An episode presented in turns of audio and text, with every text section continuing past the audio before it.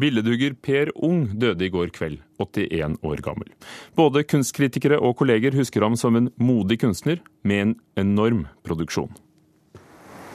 I regnet ved Nationaltheatret i Oslo står en smilende Wenche Foss i bronse. Skulpturen er laget av Per Ung, en av våre mest markante billedhuggere, som døde i går kveld, 80 år gammel. Ved statuen står kunsthistoriker Tommy Sørbø. Som du ser så kommer Wenche Foss ut imot oss her med en sånn bydende gest. Det er liksom akkurat 'hallo!' og liksom veldig sånn sjenerøst og ja, sånn som vi kjenner henne. Uh, ung han er jo hva skal vi si, opptatt av barokken, rokokkoen, det er aldri noe sånn stivt og stille. Jo, forresten, den skulpturen der borte, Johanne Dybwad, den er jo veldig tidlig i hans produksjon, og denne er relativt sein i hans produksjon. Så Johanne Dybwad hun er sånn monumental og stille og nesten litt sånn skummel der hun står, mens Wenche Foss hun er hallo, alle sammen. Så Det viser ytterpunktene i hans eh, fantastiske produksjon i et likt, ri, langt og rikt eh, arbeidsliv. Hvordan vil du betegne ham som kunstner? Modig, eh, uredd, selvstendig. Eh, en som eh, Og arbeidsom, ikke minst. Han hadde en enorm produksjon. Eh, og på sitt beste så er han helt på høyde med sine forbilder. Michelangelo, Rodin, Bernini, Carpeau og mange andre store, kjente klassiske kunstnere. Per Ung lagde mange kjente skulpturer. I Oslo kan vi f.eks. også se skøyteprinsessen Sonja Hennie ved Frogner stadion, og Fridtjof Nansen-skulpturen på Bygdøy. I Skien står Henrik Ibsen, Kniksen i Bergen, og i Svolvær kan man se Fiskerkona.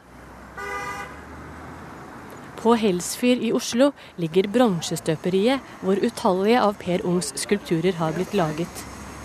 Det er bronsestøperi. Her har Per støpt eh, nesten alle sine, eller veldig mange av sine skulpturer. Billedhugger Nico Widerberg viser meg rundt. Jeg kan bare vise deg først. Bare se nå.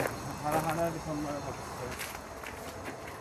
Inne i støperiet går ideene via gips til voks til ildfaste former, som igjen blir fylt med bronse. Fra gipsmodellen som eh, da vi leverer Per har levert her, og så har de lager de form av den. Har, dere har ikke noen skulptur som du holder på med Per Ung da? Har dere det? Vi ser en torso i hvit gips pakket inn i plast. På andre siden av gårdsplassen holder Helge til. Han er sisselør, altså en som setter sammen og pusser på skulpturene.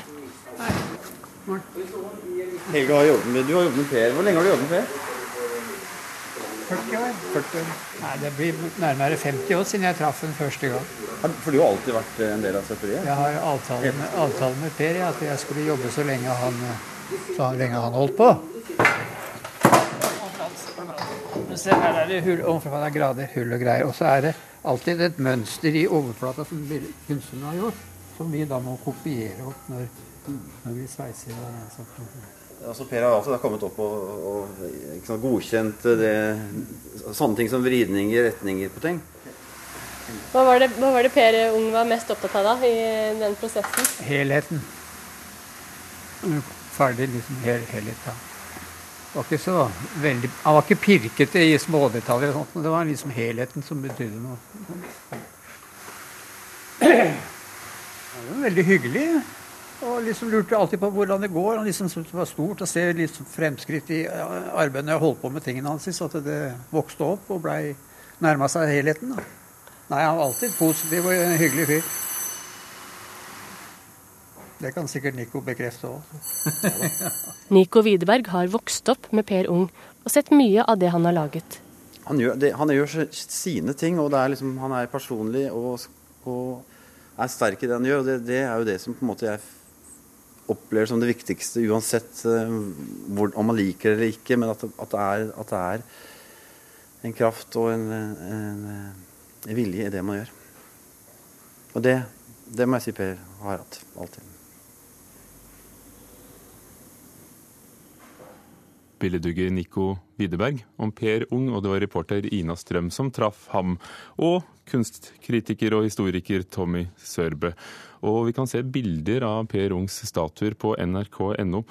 Agnes Moxnes, kulturkommentator her i NRK. Hvordan brøt Per Ung med sin samtid? For det gjorde han.